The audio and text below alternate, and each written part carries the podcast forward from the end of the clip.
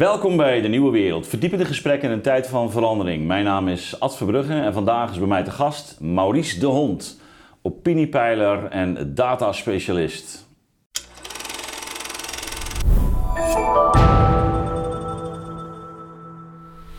Dag Maurice, welkom weer.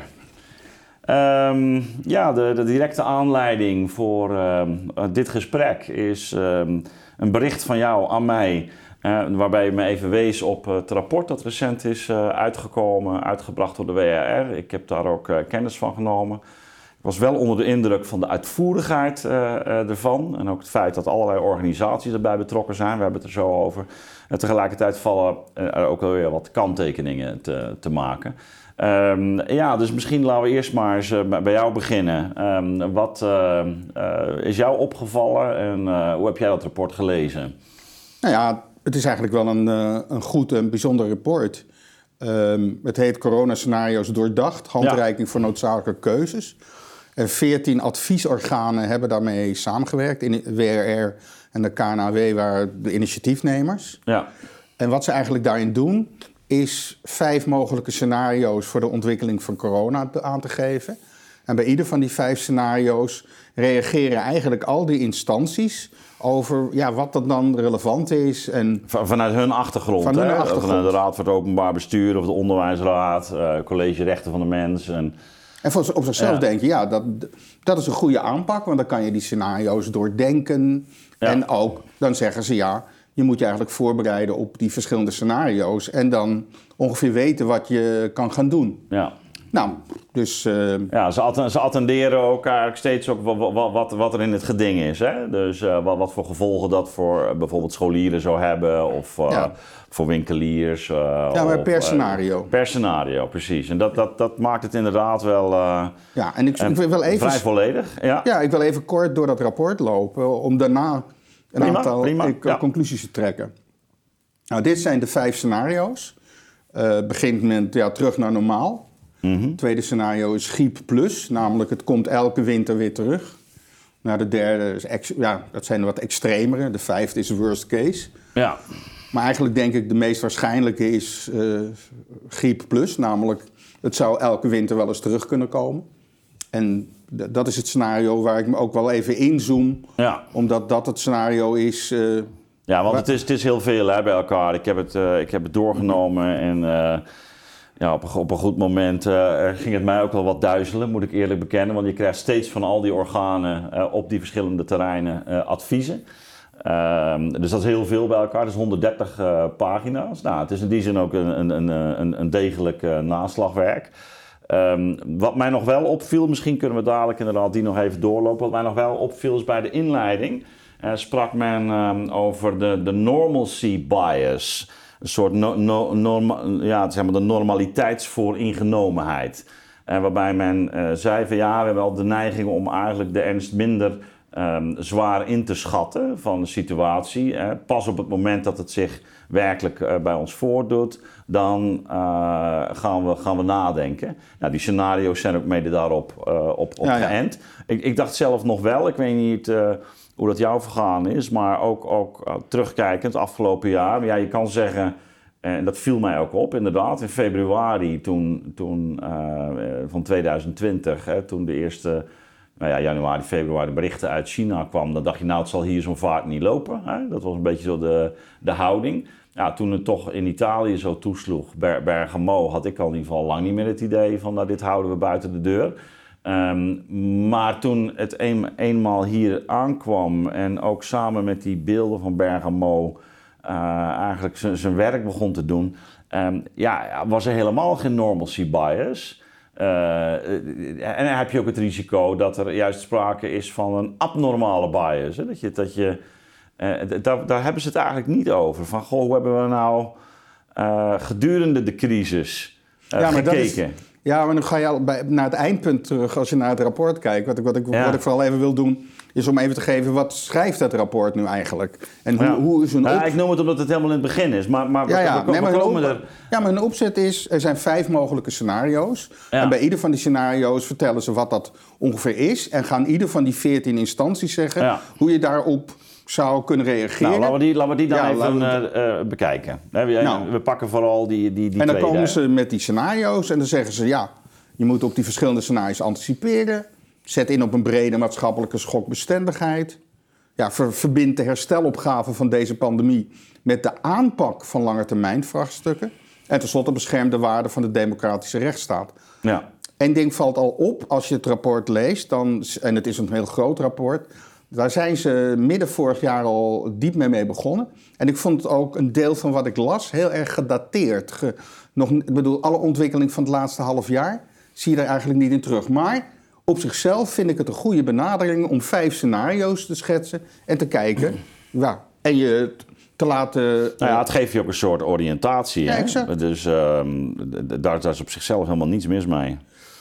Um, nou, ieder van die vijf scenario's worden dan bekeken vanuit die verschillende domeinen: economie, zorg, onderwijs. Overal staat daar uh, een reactie. Dus Raad van State zie je bij ieder van die scenario's met iets komen. Uh, onderwijsraad uh, reageert. En ook de implicaties voor wetenschap en technologie. Nou, op zichzelf, laat ik zeggen, een, qua opzet een heel goed rapport. Nou, er zijn ook nog korte filmpjes gemaakt om te helpen bij de gedachtenvorming. Um, en dit is het filmpje voor het meest waarschijnlijke scenario. Dat heb ik even gepakt. Ja. G plus. En dan. Nou, maar... Laat, laat maar eens even erbij nemen. We gaan ze inderdaad niet allemaal doen, maar deze. Alleen deze. Hè? Mijn naam is Thomas van Dijk.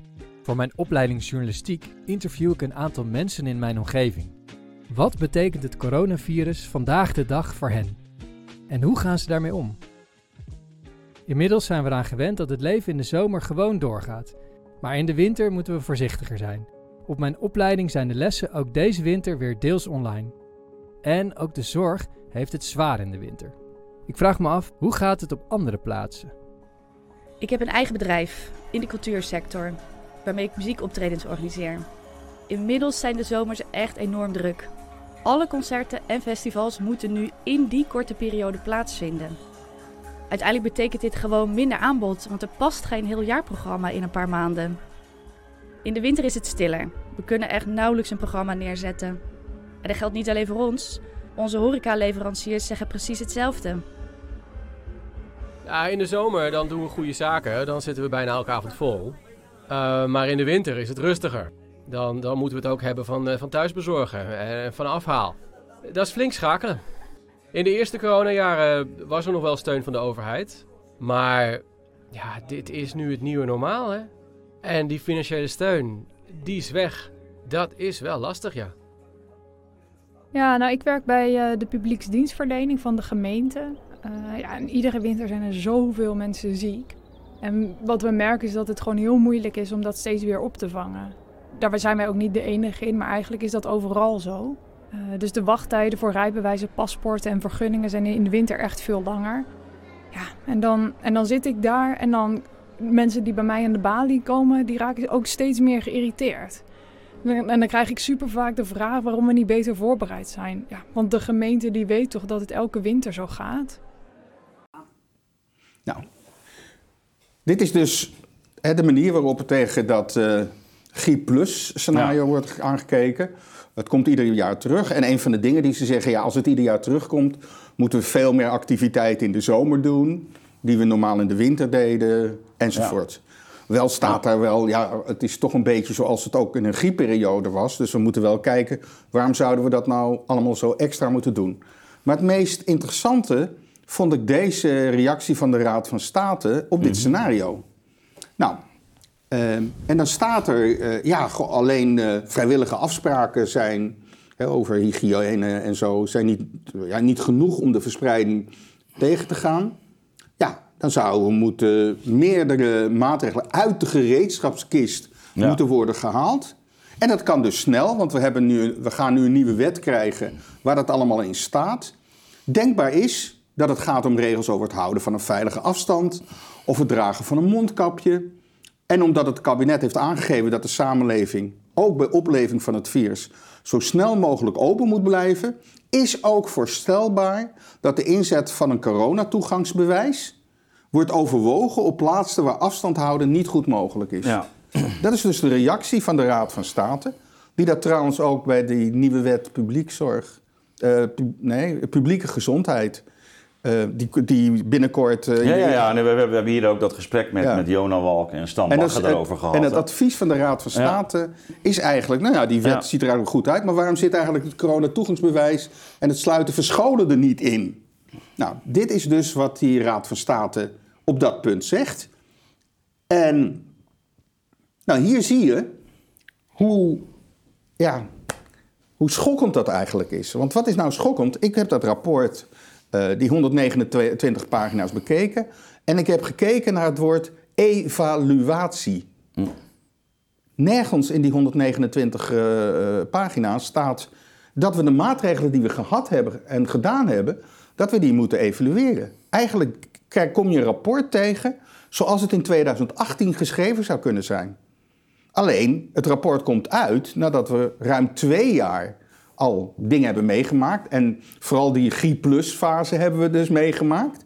En dan zou je denken dat waar 14 eh, adviesraden, waarvan vier het woord wetenschappelijk in hun naam hebben, ook zeggen van laten we in ieder geval ook alle maatregelen die genomen zijn goed evalueren in het positieve ten opzichte van de bestrijding van het virus en in het negatieve voor de gevolgen van de samenleving. Dat gebeurt dus helemaal niet. En dan kom, en dan kom je deze zin tegen. Ja, en, en daar krijg ik pijn in van mijn buik. Want bij die nieuwe wet uh, publieke gezondheid, in het memorie van toelichting staat, ten aanzien van die maatregelen. Nou, ten slotte is reeds gebleken dat de voorgestelde maatregelen geschikt en effectief kunnen zijn, omdat dezelfde maatregelen eerder van kracht zijn geweest om COVID te bestrijden. De maatregelen zijn noodzakelijk en effectief gebleken om het beoogde doel, bescherming van de gezondheid en in het bijzonder bestrijding van COVID-19 te bereiken. Ja, dat is een, eh, een eh, applausje voor jezelf ook, hè, hier. Voor de ja, overheid. Maar, en dat, dat is het, het erge, want er is ook een uh, initiatief geweest in de Kamer om te zeggen, laten we onze maatregelen evalueren. Dat is, de vier regeringspartijen hebben tegengestemd. In Engeland is er een, een onafhankelijke evaluatiecommissie ingesteld. En daar zie je ook dat wetenschappelijke tijdschriften met rapporten komen die zeggen: neem dat dan mee. Hoe, hoe jullie dat daarmee omgegaan zijn. Er is, in Engeland zijn er ministers hebben uit de school geklapt over die lockdowns. die, uh, Sunak heeft daar een, in de Spectator een, een, interview over gegeven. Hoe dat allemaal is gegaan. En hoe ze ook eind 2021 onder druk werden gezet om met een lockdown te komen omdat de Omicron zo gevaarlijk was. En via een opstand bij de ministers is dat niet doorgegaan. Nederland heeft als enige land toen wel een lockdown gedaan, omdat Omicron eraan kwam. En hier zie je dus de onwil, niet alleen ja, van de, laat ik zeggen, RVM, OMT, maar eigenlijk van al die ja, wetenschappelijke instituten, om te zeggen van, jongens, hoe was het nou eigenlijk met die maatregelen? Bedoel, nogmaals, als dit rapport uit 2018 kwam, was dat een geweldig rapport. En we wisten nog niet wat er kwam. Nu zijn we twee jaar, verder. En dan zeggen ze niets over, laten we ten aanzien van onze gereedschapskist even evalueren welke van die maatregelen hebben gewerkt en welke niet. Ja, nee, dat, dat was uh, ook het thema in het gesprek wat ik met, met Jona Walk en, Stan Bagger toen uh, had. En de aanleiding van, van de wet. Ehm, dat je zou verwachten, nou voordat je zoiets invoert, blikken we gewoon terug hè, op wat we hebben gedaan. Hè? En, en, en, en, dat gaat ook over wat ik zo even zei, die normalcy uh, bias. Je moet misschien zeggen, we hadden misschien op een bepaald moment ook wel een bias. Hè? We hadden wel een bias. En nou, Matthias de Smet spreekt over, over massavorming. En maar dat die, dat die angst heel dominant was, maar ook het idee um, van nou, we, we nemen die maatregelen, want Um, daarmee uh, hebben we in ieder geval um, het, het, het, het idee dat we de zaak onder controle hebben. Bijvoorbeeld, we vaccineren met, vanuit het gedachte dat mensen dan niet meer besmettelijk zijn. Dat was overigens helemaal niet op Pfizer vastgesteld. Hè?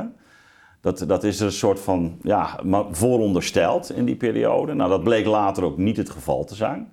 dat, eigenlijk was het 2G-beleid daar natuurlijk op gebaseerd. Dat mensen die uh, gevaccineerd dan wel genezen waren. Of uh, dat die uh, een toegangsbewijs kregen. Nou, je moet constateren, ja, je hebt een gereedschapskist. Maar we hebben eigenlijk in, in, rond die hele coronacrisis die gereedschapkist inderdaad niet geëvalueerd. Want we, we weten gewoon dat bepaalde zaken niet werkten. En dat heeft mij inderdaad ook wel gestoord, moet ik eerlijk bekennen bij de lezing van het rapport. Er zitten allerlei elementen ik denk van nou, dat is, dat is heel goed. En ook dat dat onder de aandacht wordt gebracht en ook nevenschade en, en dat je aan allerlei ook belangen moet denken. Maar dat, dat inderdaad die evaluatie, precies wat jij ook zegt, dat die evaluatie gewoon ontbreekt. En dat men eigenlijk doet van we hebben het prima gedaan. We ja, we hebben alle componenten kunnen we in de gereedschapskist ja. en kunnen we er weer uithalen.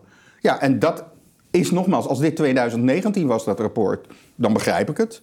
Ja. Maar in 2022, als je met een rapport uitkomt. Maar wat, wat zou dat nou zijn? Want wat, ja, maar dat, Is, dat is het erge.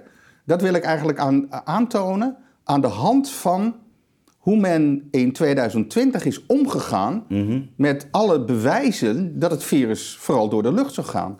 En dan merk je eigenlijk, en ja, dat, dat maakt mij zo ja, somber als ik dit rapport lees of deze zin lees van, dat, van die toelichting, hoe onwetenschappelijk degenen die pretenderen wetenschappers te zijn, omgegaan zijn met dat. En dat kan ik eigenlijk laten zien door dit uh, filmpje. Je moet even bedenken, ik was eind. Uh, maar misschien nog één stap terug, Maurice. Um, kijk, er worden uitspraken gedaan, onder andere door de, door de Raad van State. Hè? Dus dat is ook wat je net uh, aanhaalde. Nou, zo zijn er ook andere partijen, of dus bijvoorbeeld de SER, die bepaalde dingen naar voren brengen. Dan kan je zeggen, ja, dat is ook niet hun expertise. Vind jij dan dat de KNW of de WRR had moeten zeggen van jongens, ja, jullie komen wel met een aanbeveling, maar ho, uh, wel even dit meenemen. Dat er een soort van correctie op, op moet plaatsvinden. Ja, natuurlijk. Maar als je het rapport leest, blijkt dat het ook in nauw overleg met Van Dissel is gegaan. Ja. En ook indirect met leden van het OMT. Dus wat er eigenlijk gebeurd is, is dat men meegegaan is met de houding van het RVM en het uh, OMT. Ja, dat de maatregelen hebben gewerkt. Ja. En daar zijn ze dus blijkbaar niet doorheen gegaan. Integendeel, daar hebben ze zich eigenlijk, uh, ook het Raad van State, eenvoudig bij neergelegd. Ja, en wat er, wat er dan echt ook ontbreekt, en dat, dat vind ik toch ook wel heel cruciaal, is dat je kijkt naar een uh, kosten- en batenverhoudingen. Want, want natuurlijk als je zo'n maatregelen... Ze worden wel genoemd. Hè, van ja, voor je, eh, de, de, de, de onderwijsraad noemt natuurlijk het belang van het openhouden van scholen.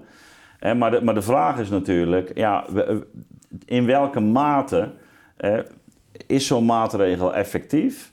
Is die wel effectief? Maar ook wat levert die op en wat kost die uiteindelijk? Ja, maar, maar dat, dat zou.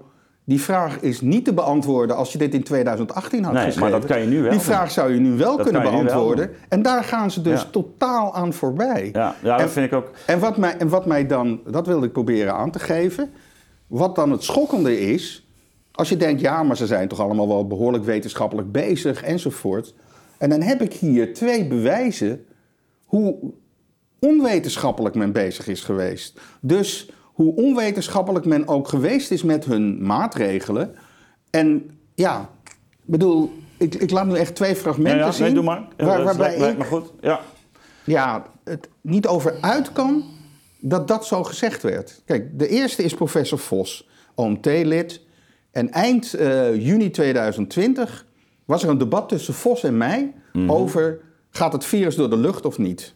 Er werd gezegd, grote, het virus gaat via grote druppels, voorwerpen. En ik zei op basis niet omdat ik dat bedacht, maar omdat er heel veel al wetenschappers waren die ook dat al zeiden. En de data wezen daarop mm. dat het juist door de lucht ging. En dan zegt hij op een gegeven moment in de discussie, ja, het volgende. De standaard overdracht is via, dikke, via de grote druppels en de contact. Dat die, is die vrijkomen bij spreken en bij handen geven. Ja, dat is de basis. Dat is zeg maar zo dat ze parachute bij, bij het uh, parachute brengen. Als je dat niet hebt, moet je niet over discussiëren. Er wordt ook geen onderzoek naar gedaan, maar dat zou nooit geaccepteerd worden. Dus wat zegt hij letterlijk? We gaan geen onderzoek doen of het virus door de lucht gaat, mhm. want we zullen dat nooit accepteren. Men zal het nooit accepteren, want we gaan ervan uit dat het grote druppels zijn. Dus het is eigenlijk zoals ongeveer het begin van de 17e eeuw. De katholieke kerk zei, de zon draait om de aarde. En dat is gewoon de axioma. En als iemand wat anders zegt, dat accepteren we niet. Nou, nou zou dat ook interessant zijn. We hebben hier natuurlijk, ik, ik ben denk ik een van de eerste geweest... Uh, die met jou dat gesprek in, volgens mij was het april 2020, ehm, heeft gevoerd. Je was toen volgens mij ook bij Hardy Mens geweest of zo. Ja, ja. En dan, daar had ik jou gezien en toen dacht ik, deze man heeft in ieder geval een originele these. Ehm, later is dat eigenlijk ook natuurlijk bevestigd. Ook, ehm, en is ook een artikel verschenen. En jij weet misschien nog de auteur. Het was een dame volgens mij uit de Verenigde Staten. Maar um, zij was een, een weerkundige en een, um, uh, meen ik... Lindsay Marr. Is, ja, precies. En zij heeft ook eigenlijk ook wel blootgelegd van dat, dat, dat je ook echt te maken hebt binnen die wetenschap echt met kringen. dus dat de ene eigenlijk niet goed met de ander in, in, gesprek, in gesprek is. Ja, het voorbeeld was heel eenvoudig. Uh, de, de, de, de, laat ik zeggen, virologen, epidemiologen, de Vos en de Van Dissels, zeiden: ja, je hebt kleine en grote druppels. Een grote druppel gaat in een boog naar de grond. En het verschil het was ongeveer de maat. Ja, zo vijf, kom je op die anderhalve 5 micron. Ja. Alleen de natuurkundigen zeiden: weet je, de wolken, daar zijn de, de, druppels die daar zweven, zijn 25 micron. Ja. Dus wat je zegt klopt natuurkundig helemaal niet. Maar, maar de kern eigenlijk van wat ik nu wilde doen, ik wilde niet nog een keer die discussie opgaan, want inmiddels is het breed geaccepteerd dat het virus door de lucht gaat. Het gaat me erom de onwetenschappelijke houding van, hm. in dit geval Vos, die zegt: we gaan het niet eens onderzoeken, want als we een ander resultaat krijgen dan we denken, dan accepteren we niet. Maar dan komt ook nog Van Dissel in de zomer van 2020. Nou, maar ik, ik, ik, onderbreek je nog even. Hè, want um, kijk, ik noem het namelijk omdat dit ook een onderdeel zou kunnen zijn geweest van een evaluatie. Hè? Dus hoe komt het dat je verblind raakt? En wat zijn eigenlijk de, de structuren binnen de organisatie van de hedendaagse wetenschap? Um, die ervoor zorgen dat kennelijk zo'n opvatting er niet doorkomt met een enorme consequentie van, van dien. dus dus uh, je had ook, als het ware, nu kunnen zeggen: bij het, voor het volgende scenario, jongens, we moeten echt uh, zorgen dat we interdisciplinair elkaar serieus nemen, dat gesprek. Uh, ook bij het volgende, misschien is het wel geen coronavirus, maar komt er iets anders. Hè, maar we, we zien dat dus eigenlijk de huidige structuur niet optimaal functioneert. En dat, dan kom je weer inderdaad bij dat onderdeel van die evaluatie. Hè, en, en ook in een scenario, oh, we zien dat die reflexen ontstaan, laten we ons daarvoor wapenen. Hè, laten we ja, zorgen. Exact laten we zorgen dat we een ander soort OMT samenstellen. Dat, laten we zorgen dat we een andere. Uh, en dat zijn ook allemaal manieren waarop je natuurlijk... Ja, maar het, maar het, maar het erge is dus dat dat, dat, dat, dat adviesrapport van die 14 instanties... waarvan vier het woord wetenschappelijk zelfs eh, in hun uh, titel hebben... dat die dat op geen enkele manier doen. En dat die compleet meegaan met de lijn die eigenlijk het RVM en het OMT hebben neergezet... En ook als je het rapport. Ik heb ook nog gekeken naar het woord ventilatie. Ja. En dat komt dan zes of zeven keer langs, maar een beetje als een soort. Ja, het woord, ja, het is altijd, ventilatie is altijd goed. Maar mm. ook daar zie je... Ja, ze op een gegeven moment een beetje ingemoffeld, hè? Ja, Hebben ze maar, maar, dat... maar dat dan het RVM en het OMT uh, zo star eraan vasthouden... is al erg genoeg. Maar dat die veertien organisaties daar blind in meegaan... dat vind ik echt dramatisch. Ja, nou ja, je kan ook zeggen van bepaalde organisaties um, hoef je ook niet te verwachten dat ze met zo'n kritiek komen. maar, maar in ieder geval... WRR, KNAW? nee, zeker. Nee, zeker. Dus daar ligt natuurlijk een verantwoordelijkheid. Ja. En ook dat je gewoon inderdaad uh, terugkijkt en, evalueert. En ook dat je dus andere takken van wetenschap... die wel degelijk ook um, iets zinnigs hebben ingebracht... tijdens dat hele debat bijvoorbeeld over die aerosolen... En dat je die ook, ook, ook wel de, uh, in de positie brengt voor een volgende keer. Je zegt, ja, we moeten voorkomen dat we weer dit, dit soort mechanismen krijgen. Ja, maar vooral ook, maar dat is wat ik probeerde nu aan te tonen... en met die volgende uitspraak ook weer laten zien... dat het niet alleen, laat ik zeggen, de onwil is om te evalueren... maar dat man ook in het hoofd de verkeerde conclusies trekt ten aanzien van de maatregelen bleken eh, geschikt en effectief. want want wat, wat zeggen ze bijna? Alle maatregelen. Dus de avondklok. Alles was effectief. Alles was effectief. Want uh, het is ook niet uit elkaar gehaald, als het ware. En zoals ik al zei. Ja, ik, ik, ik ben heel erg van onderzoek en logica. En dan gaat dus Van Dissel iets zeggen. waar ik echt gewoon pijn in mijn buik van krijg. Van dat dan een professor in zo'n belangrijke positie dat als argument hanteert. En je moet het echt even. Ja, helemaal zien. Dat is. Uh... uh, ja, hoe je het wendt of keert, en dit is natuurlijk door alle experts binnen het OMT uitvoerig bediscussieerd. Wat is het belang van erogene eh, verspreiding in de publieke ruimtes in Nederland? Dan, uh, dan moeten we gewoon constateren dat wij het uh, niet zien. Dat het dus zeer waarschijnlijk zeer gering is als het al een rol speelt. En dat de maatregelen gericht op contactinfecties en druppelinfecties via de grotere druppels gewoon succesvol zijn gebleken. Nou, ja. Wat is hier nou zo verschrikkelijk aan? wanneer, uh, wanneer uh, Dit was in de zomer van 2020 uh, eh, bij toelichting in de Tweede Kamer. Ja, oké. En hier zegt hij eigenlijk: kijk, de cijfers zijn nu laag. Mm -hmm. Bij onze maatregelen hebben we helemaal geen rekening gehouden met het virus gaat door de lucht. Alleen via grote druppels. En de cijfers zijn laag geworden. Dus wat hij impliciet zegt, en eigenlijk bijna expliciet, dus onze maatregelen hebben gewerkt. Dus dat aerosolen zijn onbelangrijk, want daar hebben we geen rekening mee gehouden. Wat was nou het fascinerende? Als je de maatregelen bekijkt die in maart 2020 werden genomen. De horeca moest dicht, de, eh, de cultuur moest dicht, de bioscopen moesten dicht, grote bijeenkomsten werden verboden. Ja. ja. die werden wel verboden vanuit hun insteek grote druppels. Maar wat ze daarmee onmogelijk maakten, of veel beperkter maakten, de verspreiding via de lucht. Dus hij zegt: Ik heb er geen rekening mee gehouden. Dus dan is het dat ook niet. Nou, ik heb het eens vergeleken met mhm. een, ehm, een hele grappige filmpje ooit uit Sesamstraat. um, met Bert en Ernie. Ja. Dat is een filmpje waar Ernie met een banaan in zijn oor zit. En dan zegt Bert, waarom zit je met die banaan in je oor? En dan zegt Ernie, om de krokodillen te verdrijven. Waar Bert zegt, ja, er zijn hier helemaal geen krokodillen. En dan zegt Ernie, zie je wel, het werkt. Ja, ja. Dus, dus en het lijkt extreem, maar in zijn redenatie is het precies hetzelfde. En wat mij dus zo schokt als ik dan dat rapport zie van die 14 instanties en eigenlijk ook de toelichting mhm. van die wet uh, publieke gezondheid, dat ze dat effect van Bert en, Bert en Ernie eigenlijk doen. Uh, er zijn geen krokodillen, dus het banaan heeft gewerkt. Al onze maatregelen waren geschikt en effectief. En die kunnen, moeten allemaal gewoon weer in de gereedschapskist, wat ook de Raad van State zegt. Zonder dat iemand die wetenschappelijk, hè, WRR, KNW, zonder dat één van die partijen zegt: kunnen we niet in de tussentijd even hard ons best doen om al die maatregelen apart te evalueren. Zodat als we in een situatie komen dat het weer moet, per maatregelen ook weten wat de positieve en de negatieve effecten nee, zijn. Nee, maar dat is natuurlijk heel belangrijk dat je inderdaad het overzicht hebt over wat er nou precies heeft gewerkt en waarom. want dat is in feite wat je aangeeft. Uh, natuurlijk de maatregelen dat uh, de bioscopen dichtgingen, theaters en, uh, en de scholen. Ehm, ja, die hadden inderdaad ook tot gevolg dat, dat, dat mensen minder in ruimtes kwamen waar, waar al die aerosolen rond dobberden of vlogen of zweefden. Um, en, en, dat men dan inderdaad als verklaring geeft, dan zie je wel, we hebben dit, dat, dat, is die, dat zijn die grote druppels geweest. Ja, dat is natuurlijk, dat is een, uh, absoluut een, een, eigenlijk een vertekening van wat er aan de hand is.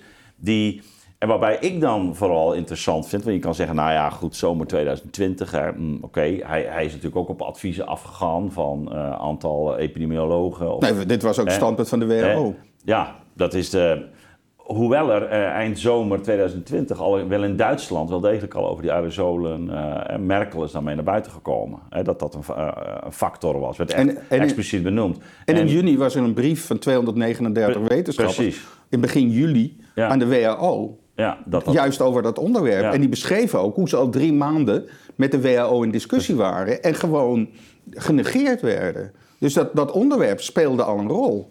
Ja. En wat je dan merkt bij Van Dissel heel sterk, en dat is voortdurend geweest, dat er nooit is gezegd, nou ja, we hebben nu voortschrijdend inzicht, we dachten dit, maar inmiddels denken we dit. Voortdurend is er gedaan alsof alles wat ze gedaan hebben goed was. was en dan zijn ze een beetje gaan verschuiven, maar nooit het expliciet benoemd. Terwijl volgens mij, als je gewoon de waarheid op tafel zou hebben gelegd, maar ook nu nog eh, op tafel legt, het publiek best wel enig begrip heeft voor het feit dat mensen in een, in een hele moeilijke situatie beslissingen nemen die achteraf bezien niet zo verstandig blijken te zijn. of die achteraf bezien, ik moet het niet zeggen, uh, niet zo effectief blijken te zijn. Uh, dat is de, dus, dus dat vergeef je mensen dan. Dan denk je, oké, okay, uh, geef het gewoon toe, dan gaan we weer verder. Maar het wordt juist storend wanneer eigenlijk dat niet gebeurt. Hè? Wanneer... Ja, maar wat er dan wordt gezegd over, over dat, ja, met de, met de kennis van nu zouden we die en die dingen anders gedaan hebben. Dan zeg je, oké, als de kennis van nu relevant is, waarom is die kennis van nu dan niet relevant mm. bij dat rapport van wat nu de handreiking is? Dat ze daar niet zeggen, dan moeten we bij de verschillende maatregelen die we in die gereedschapskist zouden willen stoppen, de kennis van nu ook gaan toepassen. Absoluut. En, en dat wordt niet benoemd, niet gedaan, wordt door de vier uh, uh, regeringspartijen uh, tegengehouden. En nergens Nergens, ook niet in de media. Maar waarom, waarom zouden ze nou die evaluatie echt niet willen? Eh, eh, toch omdat dan uh, mensen slecht uit, uit de verf komen? Wat, wat... Nou, wat, wat ik merk, ik, ik krijg achter de schermen heb ik best contact met mensen, ook op belangrijke plekken, die ehm, naar buiten toe niet al te kritisch zijn. Want dan mhm. zeggen ze tegen als ik al te kritisch ben, dan word ik weggeschoven. Maar daar heb ik best goed contact mee, informatieuitwisseling. En wat ik eigenlijk merk bij die mensen, neem bijvoorbeeld het onderwerp op dit moment van de vaccinatie die we nu gaan krijgen. Bijvoorbeeld in Denemarken hebben ze besloten dat ze dat alleen doen bij de mensen boven de 50. Ja. Uh, in Engeland boven de 18, Nederland doet boven de 12. Heb jij één keer een vraag gezien van een journalist aan de betrokken mensen, aan, de, eh, aan wie dan ook van het OMT? Waarom Denemarken boven de 50 en waarom wij niet? Nou, ik heb gehoord wat daar eigenlijk de achtergrond van is. De achtergrond van is dat mhm. ze op geen enkele manier informatie willen naar buiten brengen, mm wat wellicht de bereidheid om je te laten vaccineren zou doen afnemen. Dus ook de deskundigen achter de schermen die zeggen, nou, onder de 50, ik zou het in ieder geval nu niet meer doen. En besef, ik heb onderzoek gedaan. Ik heb gevraagd aan mensen: bent u, heeft u corona al gehad enzovoort. Mm. 40% van de Nederlanders hebben al Omicron gehad. 40%. Van deze groep zegt 50% uh, de, de, de nieuwe booster te gaan nemen. Terwijl ze Omicron al gehad hebben. En ook dat onderwerp mm. is het zinvol als je al Omicron gehad hebt. Om dan het booster te nemen, wordt niet besproken omdat er een soort sfeer is elke twijfel die we rondom vaccinatie of voor, voor bepaalde zouden benoemen, zal de vaccinatiebereidheid doen afnemen. En dat is een weg die eigenlijk door de traditionele media niet begaan wordt. Ja, dat is wel interessant, want er zijn natuurlijk de laatste tijd heel veel studies verschenen. Ook eh, juist ook over de, de, de, effectiviteit van een besmetting. Hè, de, de, de zogenoemde natuurlijke immuniteit die, die je ontwikkelt als gevolg van, van een besmetting. En dat die uh, ja, zeker ook niet onderdoet. Uh, sterker nog, veel uh, langer lijkt, eh, lijkt te zijn. En veel langer lijkt aan te houden. Nou, men heeft ook onderzoek gedaan naar de combinatie van en vaccinatie en, en besmetting. En zo. Er zijn allerlei onderzoekingen gedaan, waardoor je een, ook als, als, als burger um, een informed consent zou kunnen geven. Hè? geïnformeerde toestemming. Dus nou, ik doe het wel of ik doe het niet. Uh, maar dat betekent wel dat, dat je natuurlijk eh, de, de, de, informatie daarover gewoon publiekelijk uh, ja, ter beschikking moet stellen. Er zou, er zou een discussie moeten zijn met de betrokken deskundigen en iemand met een ander standpunt van... is het zinvol onder de 50? Is het zinvol als, wat, je, als je Omicron hebt gehad? Wat zijn dan de voordelen of de nadelen? En even helemaal niet in de extreme posities van, uh, van de een of het ander. gewoon het rustig op een rijtje zetten. Ja, en dan merk je, en dat hoor ik echt terug dat dat niet gedaan wordt omdat ze echt bang zijn of niet willen dat er enige twijfel is bij wie dan ook om zich te laten vaccineren. En dat is de lijn ja, die, we, die we dan zien. En dan denk je, ja, dat zijn de WRR en de KNW die daar als het ware impliciet in meegaan. Maar terwijl we nu ook nog in een situatie zitten waarin uh, dit jaar, uh, naar na alle waarschijnlijkheid, het, het aantal uh, excess deaths, hè, dus, de, het, het, dus, dus, dus de, de extra doden hè, boven de, uh, ja, de, de, de, normale oversterfte. Hè, de oversterfte. De, ja, dat is eigenlijk een mooi Nederlands woord, dankjewel. ik, zit, ik zit zeer in dat Engels nu. Maar, de, maar inderdaad, de oversterfte, dat die uh, het, het aantal coronadoden uh, zwaar gaat overtreffen, vermoedelijk. Ja, en, dus, dus uh, dit jaar, hè? Niet, niet het geheel natuurlijk. Ja, maar dan, merk, dus, dan dus... merk je ook, en daar was deze week ook een, ja, die groep die dat onderzoek moet doen, die zegt we kunnen het onderzoek niet eens doen. Want door de AVG krijgen we eigenlijk geen informatie ten aanzien van het vaccineren van mensen enzovoort. Hm. Terwijl ja, als je onderzoek doet, kan je bepaalde delen totaal anonimiseren. Dus het is, en in andere landen gebeurt het wel, maar in Nederland doen ze dat dus niet. En dus kan ook die analyse niet gedaan worden. En dan zijn er, laat ik zeggen, aan de ene kant de groep die zegt... ja, al die oversterfte is alleen maar corona. Andere groep die zegt, ja, die oversterfte is voor een behoorlijk deel vaccineren. Uh, maakt even niet uit welke het is. Er is oversterfte. Ja, en, en hele substantiële en substantieel. Ja. En ook daar merk je... Dat men het gesprek er niet over Dat men het gesprek er niet over wil gaan. En er zijn ook echt mensen die zeggen... ja, luister, als, je, en dat als, als nu er wordt gevaccineerd... is dat de derde booster... Ja, hm. er zijn ook mensen die zeggen... Ja, juist je eigen immuunsysteem... Raakt, raakt zou, daar, zou daar best wel eens een keer ja, dat, dat ook een, een nadeel van zijn. Ja, dat is, een, dat is absoluut een tegen. Want je ziet ook dat die boosterwerking, als die werking is, ook korter is dan, dan de eerste. Ja, en, maar, maar, daar wordt helemaal niet over gesproken. En... Ja, maar dat is toch wel fascinerend. Hè? Dus dat je, dat je in een situatie zit waarin we eigenlijk niet grondig willen evalueren wat we, wat we doen en, en wat de gevolgen zijn van datgene wat we gedaan hebben. Terwijl er eigenlijk langzamerhand behoorlijk wat data uh, beschikbaar is. Um, is, is er kennelijk dus een onwil om. Ja, maar de reden is echt. En bedoel, doordat ik van achter de schermen wel wat hoor, de reden is echt dat men zo heilig ervan overtuigd is dat de beleidspunten die zij hebben ingezet rondom de maatregelen, maar ook rondom de vaccinatie, dat dat de optimale manier is om deze situatie te bestrijden. Dat elk geluid wat daar wat afbreuk aan zou kunnen doen, hm. wordt genegeerd en bewust ook wordt genegeerd. Dus ook dat die mensen die dat rapport hebben gemaakt, uh, ook zelf niet opschrijven, we moeten dat eigenlijk evalueren. Want ze hebben ook met hmm. Van Dissel en het OMT gesproken. Ja, omdat ze denken dat gaat afbreuk doen aan wat wij eigenlijk denken met elkaar dat de juiste richting is. Ja, ja terwijl ik denk op langere termijn sta je dan uiteindelijk zwakker natuurlijk. Want als, je Met, als je met elkaar een weloverwogen besluit neemt en alle informatie op tafel legt ja, dan, dan, dan, kun je dingen missen. Hè. Kan, later kan er nog iets uitkomen, maar je hebt wel op basis van gewoon gedeelde informatie een op dat moment verstandig besluit genomen. Ja, maar wat je vooral ook doet, ik bedoel, ik vind dat je verraad pleegt aan het woord wetenschap. Mm. Als jij... Nou ja, al van democratie, dat kun je ook zeggen. Ja, maar dat is nog de volgende. Maar, maar ik ben een wetenschappelijk adviesraad, mm. bijvoorbeeld, of de KNAW, waar wetenschap dus de, de essentie is. Dan is de wetenschap niet en dat is wat Vos eigenlijk net ook deed. We hebben een axioma.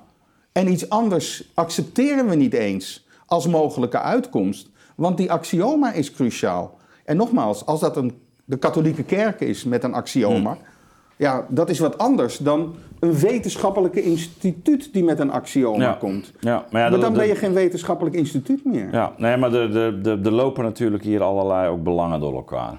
En ehm, je kan ook zeggen, zelfs de, de, de strategie om iets te implementeren en hoe je dat het meest effectief doet, wordt ook door wetenschappen bestudeerd.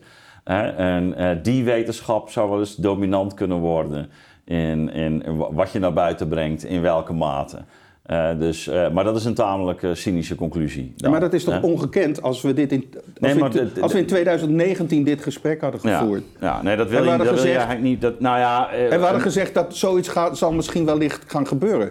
Dan had je zeggen, nou dat is toch nou, ondenkbaar. Ik, mm, ik, had het van de industrie wel verwacht. Ik bedoel, dat, dat, daar zijn we het ook al vaker tegengekomen. Ja, oké. Okay. Dus, dus we, we we hebben hier ook die casus Purdue uh, besproken. En dan zie je toch ook dat, dat er wetenschappelijk wel het nodige mis is gegaan. Hè? Ook instituties hebben gefaald enzovoort.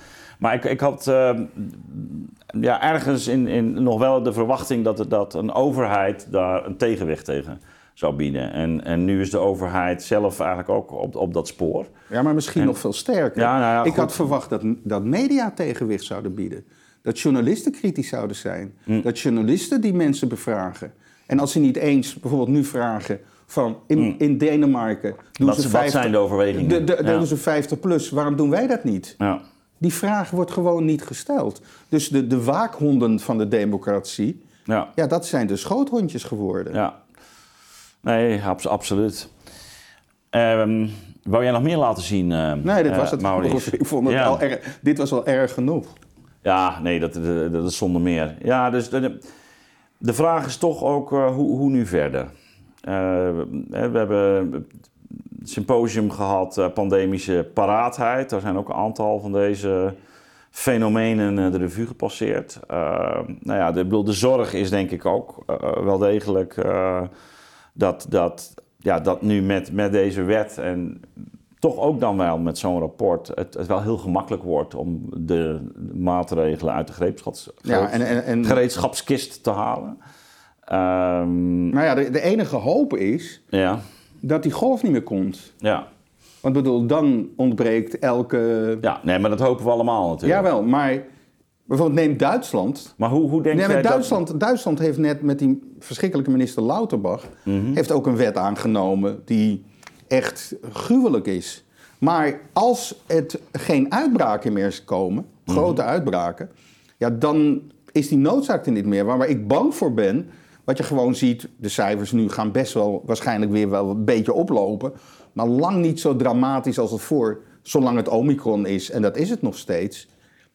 Dan heb je toch het gevoel, zodra cijfers weer gaan oplopen, dat er weer alarmbellen gaan luiden. En dan is de grote vraag, ja, hoe cool de, de betrokkenen blijven uh, ten aanzien van het geheel. Of dat ze juist die stijgende cijfers gaan uitvergroten, omdat ze daarmee de vaccinatie weer willen uh, uh, ja, promoten. En dan kom je weer in een soort vicieuze cirkel. Nou ja, dus we kunnen alleen maar door het virus gered worden, denk ik. Ja, ja dat, dat is eerder gebleken. Nou, dat is ook wat mij het meest zorgen baart, moet ik, moet ik eerlijk bekennen. Ook, ook wanneer ik die filmpjes zie ook zo'n filmpje bij Griep Plus bijvoorbeeld, dat er een soort van normalisering plaatsvindt. Ja, het onderwijs gaat weer online, we, doen dit niet meer en dat. Nou ja, zo gaan we daar gewoon mee om. Uh, dus het is een, soort de normaalste zaak van de, van de wereld geworden. En, en, of je het nu over vaccinatie hebt, over anderhalve meter afstand, of over het uh, nou ja, dichtgooien van, van scholen, of ten dele dichtgooien van uh, het hoger onderwijs bijvoorbeeld. Ja, het, het, het, het, is nu een, een, een inderdaad uh, eigenlijk een soort gelegitimeerde praktijk. Je kunt het er gewoon uithalen en we zien cijfers, we gaan weer aan die knop draaien. En die, die, die normalisering ervan, dat is eigenlijk wat mij het meest uh, verontrust. Ja, dat is het ook. Zoals ik al zei, ik denk niet dat we door de overheid, ik denk niet dat we door de media hm. als het ware uit deze situatie worden gehaald. We worden alleen uit die situatie gehaald als de ontwikkelingen uh, beperkt zijn. Waarbij je ook nog, als je gewoon ook naar het buitenland kijkt, bijvoorbeeld uh, Australië is natuurlijk in een heel ander seizoen dan wij. Waarbij je voortdurend eigenlijk ziet, daar waar uh, het virus, coronavirus groot is, is weinig griep. Als de coronavirus minder is, dan zie je de griep opkomen. Gelukkig blijken de griepvarianten die nu zijn niet zo, laat ik zeggen, erg te zijn zoals in 2018. Maar wat we zeker zullen krijgen, als corona niet erg opkomt, dan gaat de griep komen. En de grote vraag is of de komende griep, of dat misschien ook eentje wordt met behoorlijk wat. Uh, ja, en, dat, en, dan gaan ze. Precies. En dan wordt het heel normaal. Dan, gaan ze de strategie toepassen. Ja. Uh, die ze ook bij corona hebben toegepast. Ja. Terwijl een van de dingen die echt basis al zou moeten zijn, wat ik ook in juni 2020 heb gezegd, maak dan binnenruimtes in ieder geval veilig. Zorg dat daar standaard een goede ventilatie is, goede licht, luchtfiltering. Of dat nou voor corona is of voor griep. Eh, prima. Dan heb je in ieder geval dat al gedaan. En dat wordt eigenlijk niet ja, vol omarmd, omdat dat niet in de lijn van het RVM past. Nou ja, en dan is denk ik uh, zo'n evaluatie van, van cruciaal belang. Juist ook om, om, om die, die kosten- en batenanalyse te maken. Hè. Uh, ook, ook helder te krijgen van ja, maar wat, wat hebben nou eigenlijk de maatregelen opgeleverd? Maar wat, ja, wat voor pijn hebben ze berokkend? Wat voor schade hebben ze toegebracht?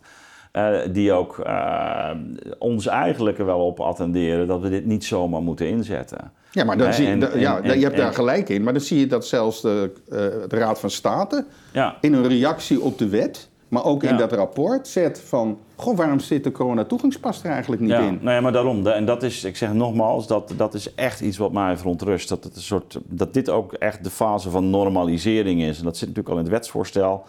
Maar dat zit dan ook in zo'n advies. En denk je, jongens, één stap terug, alsjeblieft. Laten we gewoon ook eens kijken hè, op waar we zijn doorgeslagen. Waar er niet een normalcy bias was, maar waar er een een, een history bias was. Eh, waarin we Die in het begin ook, eh, begrijpelijk ja, was. in het begin ook begrijpelijk was. Maar, maar ook en, waar er een sprake was van um, bijgeloof. uh, mag gokken. dat, dat dingen gaan werken. zonder dat je voldoende in ogenschouw neemt wat, wat dan de keerzijde is. En Allah, als dat een keer gebeurt, nog tot daar aan toe. Maar ja, je moet toch dan nadien terugkijken. En maar, bijvoorbeeld dan... het minste wat toch al had er kunnen gebeuren was gezegd van...